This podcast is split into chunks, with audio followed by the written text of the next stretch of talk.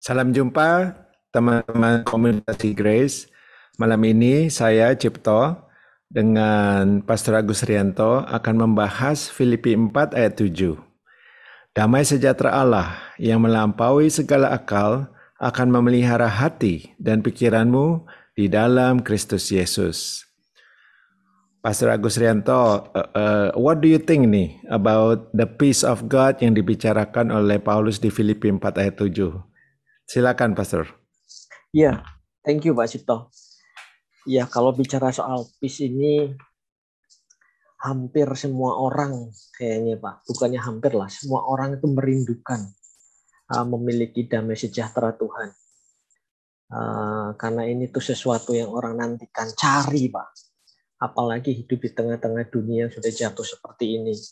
Ada banyak cara orang berpikir, aduh kalau misalnya uh, kepingin damai, saya mau pergi ke luar negeri lah liburan, saya mau meditasi supaya saya bisa memiliki peace gitu.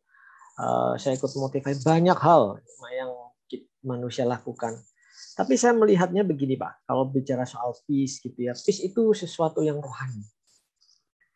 Jadi kalau yang kalau masalahnya rohani harus diselesaikan secara rohani. Pada awal Tuhan menciptakan kita tuh kita mempunyai peace yang luar biasa. Tapi sejak kejatuhan manusia dalam dosa, manusia tidak ada peace lagi.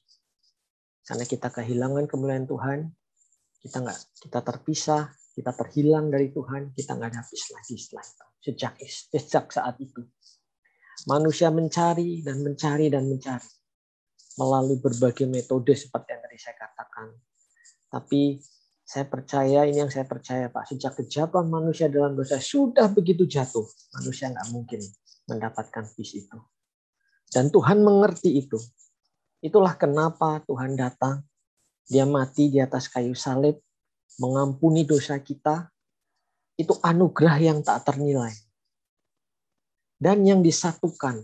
Yesus berkata ketika bertemu dengan muridnya, peace be with you, peace be with you. Kenapa? Karena kematian Tuhan Yesus itu mempersatukan antara surga dan kita sehingga hari ini kita boleh memiliki damai. Peace itu bukan kondisi, peace adalah sebuah pribadi, yaitu Yesus itu sendiri. Firman Tuhan berkata, uh, For the kingdom of God is not eating and drinking, but righteousness and peace and joy in the Holy Spirit. Berarti peace itu hanya bisa ditemukan in the Holy Spirit. Dan Galatia 5 berkata, but the fruit of the Spirit, love, joy, peace, salah satunya adalah peace. Manusia tidak bisa menghasilkan peace. Yang bisa adalah roh kudus yang berbuah melalui kita. Peace tidak bisa diusahakan. Tetapi peace itu adalah buah daripada roh kudus. Ketiga kita mengenal ketika kita menjadi anak Tuhan, peace automatically ada pada kita. Karena itu adalah salah satu buah daripada roh. Nah, itu adalah satu pribadi. Peace itu adalah pribadi Yesus itu sendiri. Makanya Paulus berkata, it's beyond, it surpasses our understanding. Jauh melebihi akal kita. Di dalam Kristus itu adalah peace yang sesungguhnya. Karena tanpa Kristus tidak mungkin ada peace. Tetapi hanya di dalam Yesus itulah peace itu ada dan saat ini sebagai anak-anak Tuhan kita sudah memiliki peace itu yaitu adalah pribadi Yesus itu sendiri.